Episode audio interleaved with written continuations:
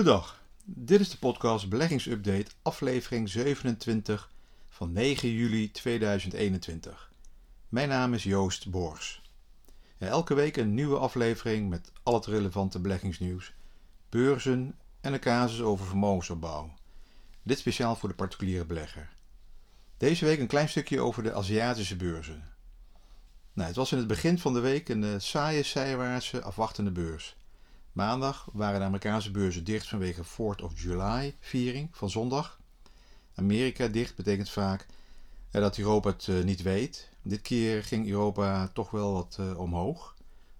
Maar dinsdag was Europa weer zwak. Maar de totale de AX blijft toch wel goed doen en oogt sterk. woensdag bereikte de AX een nieuw record op 738 de AX staat niet alleen in het maken van uh, nieuwe records. Hoor. De Amerikaanse beurzen, waaronder de eerder door mij genoemde SP 500-index, steeg afgelopen dagen, zeven dagen achter elkaar, steeds weer met kleine stapjes naar een nieuw record. Ook is het uh, nu al uh, zeven maanden achter, achter elkaar dat de beurzen een plus noteren. Dit betekent dat de hoofdmarkt nog niet voorbij is en redelijk sterk lijkt. Toch kan er een moment van terugval komen. Dat zal dan ook een mooi eh, moment zijn om weer voor de langere termijn eh, weer wat uh, te kunnen beleggen. Het lijkt nu wel op een zomerse hoos of boelmarkt. de ouderwetse campinghoos. Ja, in Europa blijft de Engelse beurs wel achter bij de rest. De FTSE 100 index staat nog onder het niveau van februari 2020. Dus pre-COVID. Nou, zal er de komende dagen uh, volgen of hier nog wat uh, interessants in zit, als een soort herstelkandidaat.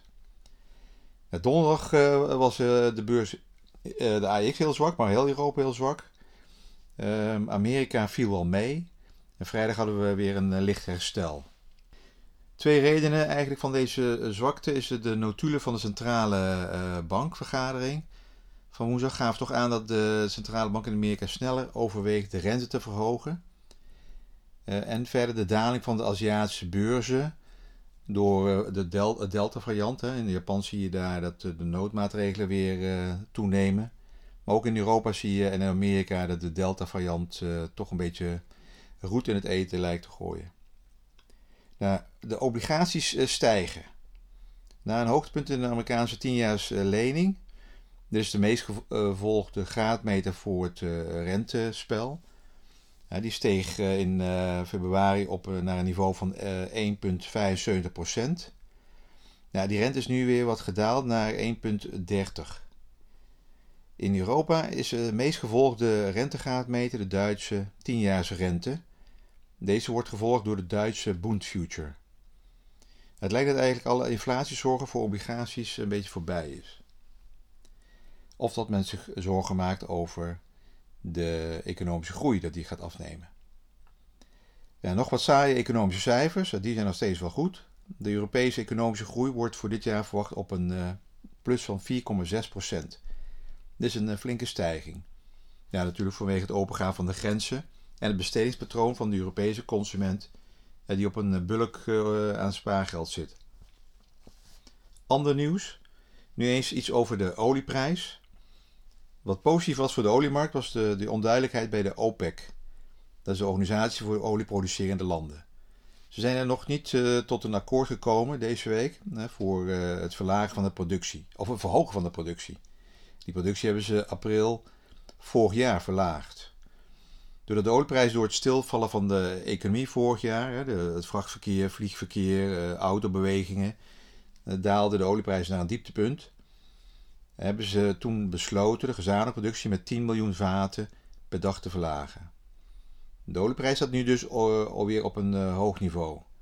Dit was dan ook weer uh, goed nieuws voor de oliewaarde. Shell uh, steeg de afgelopen dagen en kondigde ook weer aan dat ze het dividend weer wat gingen verhogen. vorig jaar hebben ze die verlaagd. Goed nieuws voor diegenen die afhankelijk zijn van dividenden. Kaststroom voor weduwe en wezenfonds dit is de bijnaam in beurskringen voor, uh, van een aandeel als Shell. Een apart bedrijf binnen de AIX ging dinsdag hard onderuit met bijna 6,5%. En dat is het bedrijf heet Proces. Ja, Proces is een investeringsmaatschappij in internettechnologiebedrijven en staat sinds september 2019 in Amsterdam genoteerd op de AEX. Het aandeel uh, noteerde in februari uh, dit jaar 109 en staat nu circa 78. Ja, Proces heeft belangen in diverse online bedrijven, in de media, uh, bezorgdiensten, betaalbedrijven. Bekendste zijn onder andere Tencent, Bugs en Delivery Hero. Het achterblijven komt onder andere door het ingrijpen en bemoeienis van de Chinese autoriteiten bij technologiebedrijven uh, uit China. Proces belang in Tencent is uh, groot en, Pro en, Tencent staat genoteerd op de beurs van Hongkong Hong en New York. Dus het belang van Pro Proces en Tencent maakt de koers van Proces gevoelig voor nieuws vanuit China. Ja, zo zie je, je denkt maar leuk te beleggen in een bedrijf aan de AEX en je zit met je risico in China. Oké, wat, wat, is er nu aan de hand in China? Wat willen die Chinezen? China wil gewoon meer toezicht op de Chinese technologiebedrijven. Ze hebben een paar maanden geleden al problemen veroorzaakt bij eh, Softbank, eh, Alipay en eh, onder andere ook bij Alibaba. Het recentste voorbeeld is Didi. Didi is eigenlijk een soort concurrent van, van Uber. China gooit het op privacygevoelige data die nu in handen zou kunnen komen van de Amerikanen. Dit spel is dus nu andersom. Misschien weten jullie nog wel dat Trump in 2019 het aandeel TikTok wilde verbieden. Omdat persoonsgegevens, dus data, in handen van de Chinese overheid zou kunnen komen. Data is dus eh, belangrijk in de, de handelsoorlog. Onder het eh, motto van eh, privacybescherming en het nationaal belang pakt de Chinese overheid de machtspositie aan van diverse Chinese bedrijven met een buitenlandse notering veel van de Chinese uh, bedrijven hebben dus ook een notering op de beurzen in Wall Street. Uh, ondanks waarschuwingen koos Didi, dat is de Chinese Uber, voor een notering op de Amerikaanse beurs. Na een succesvolle introductie verleden week greep de Chinese overheid in met een verbod op het aanbieden van de Didi-app. Het aandeel daalde dus fors in Amerika net nadat het was geïntroduceerd. Ja, lekker dan. Zit je met je, met je geld. Ja, maar Didi is niet het enige bedrijf dat dit overkomt. Volgens de Financial Times noteert bijna 70% van de Chinese bedrijven die dit jaar op Wall Street werden geïntroduceerd onder de uitgiftekoers. China geeft daarmee een, nieuwe dimensie aan het conflict met de Verenigde Staten. Ze zijn strenger bij het beursnoteringen en laten Amerikaanse die Amerikaanse beleggers de schade oplopen. Nou, de, de rest van Azië, maar eigenlijk doet heel Azië de het laatste kwartaal minder dan de westerse landen. Azië is een, eh, een groeimarkt bij uitstek. Toenemende welvaart en het speelpositie in technologie ja, maakt van deze regio een aantrekkelijke belegging. Sinds februari blijft die regio achter en de verwachtingen is dat dit nog kan gaan aanhouden.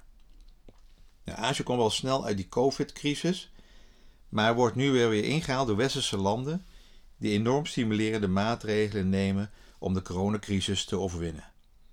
De steun van overheden en centrale banken in Azië is voorslager dan in andere regio's. bijvoorbeeld China beperkt de ruimte om, uh, om krediet te verlenen om de schuldposities enigszins onder controle te houden. En dit zal natuurlijk ook die economische groei kunnen vertragen. Belangrijk punt van zorg zijn de politieke onzekerheden. De spanning tussen China enerzijds en Hongkong, Taiwan, Australië en de Verenigde Staten anderzijds zijn groot. Chinese bedrijven worden gehinderd door de Amerikaanse zwarte lijst, waardoor zij minder kunnen produceren en exporteren. Daarbovenop komen maatregelen vanuit de eigen overheid die bedrijven in de technologie en de financiële sector hard aanpakt, waardoor de winstgroei duidelijk kan verminderen. Nou, ook Japan heeft hier uh, last van, dat de hele regio. De, China is heel erg dominant en, en probeert echt gewoon alle alles te doen om uh, steeds sterker te worden in die regio. Nou, de Japanse beurs is uh, de eerste helft van dit jaar met maar 8% gestegen. Nou, nog steeds hartstikke mooi. China is eigenlijk onveranderd, zelfs volgens mij in de min. Maar ja, in vergelijking met die westerse landen, westerse beurzen, die zijn allemaal gemiddeld zo'n 12 tot 15% gestegen de eerste zeven maanden. Nou, dus dat, uh, dat is uh, eigenlijk uh, hoe, hoe Azië er nou bij ligt. ik zal het blijven volgen en kijken of er nog wat veranderingen zijn. gisteravond was Azië ook weer licht in de min. Dus nou, het ziet er niet zo goed uit met die, met die landen. Maar misschien zitten we al op een bodemniveau en dan kunnen we de komende week kijken of we weer wat kunnen gaan beleggen in, in Azië. Nou, even nog wat uh, theorieën en dingen die, die nu spelen. Bijvoorbeeld, ik heb een keer de Dow Jones Transport Index behandeld. Um, nou, in Amerika is die Dow Jones Transport Index. En je hebt nog een andere index die, uh, die mensen ook volgen, de Russell 2000. Dat is ook een hele grote index, een belangrijke index in Amerika. En die zijn al een aantal weken aan het, aan het afbrokkelen, aan het consolideren vanaf januari hebben ze wel een hele goede stijging achter de rug. Met, met een plus van 16%. Maar beide hebben in een, uh, een, een, een, negatief rendement uh, behaald afgelopen maand. De Russell 2000 is wat ze noemen de midcap index, zoals in Nederland de AMX. In Amerika wordt de midcap index beschouwd als pijlstok voor hoe het echt met de Amerikaanse economie gaat.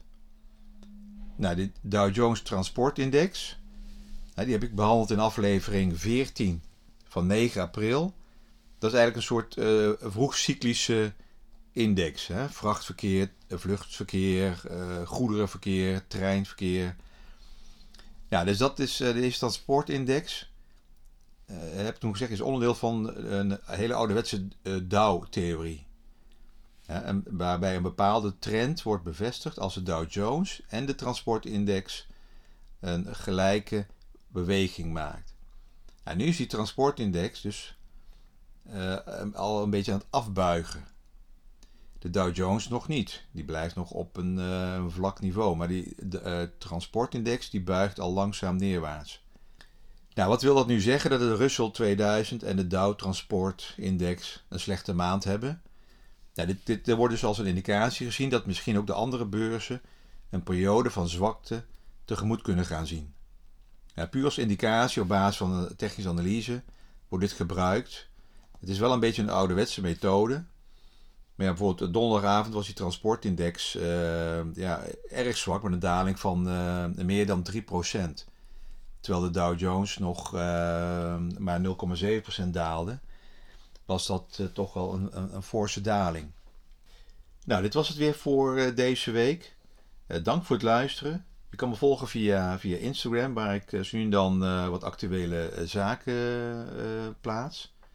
Ja, alles is natuurlijk weer mijn persoonlijke visie en gebaseerd op openbare informatie. Nou, tot de volgende week.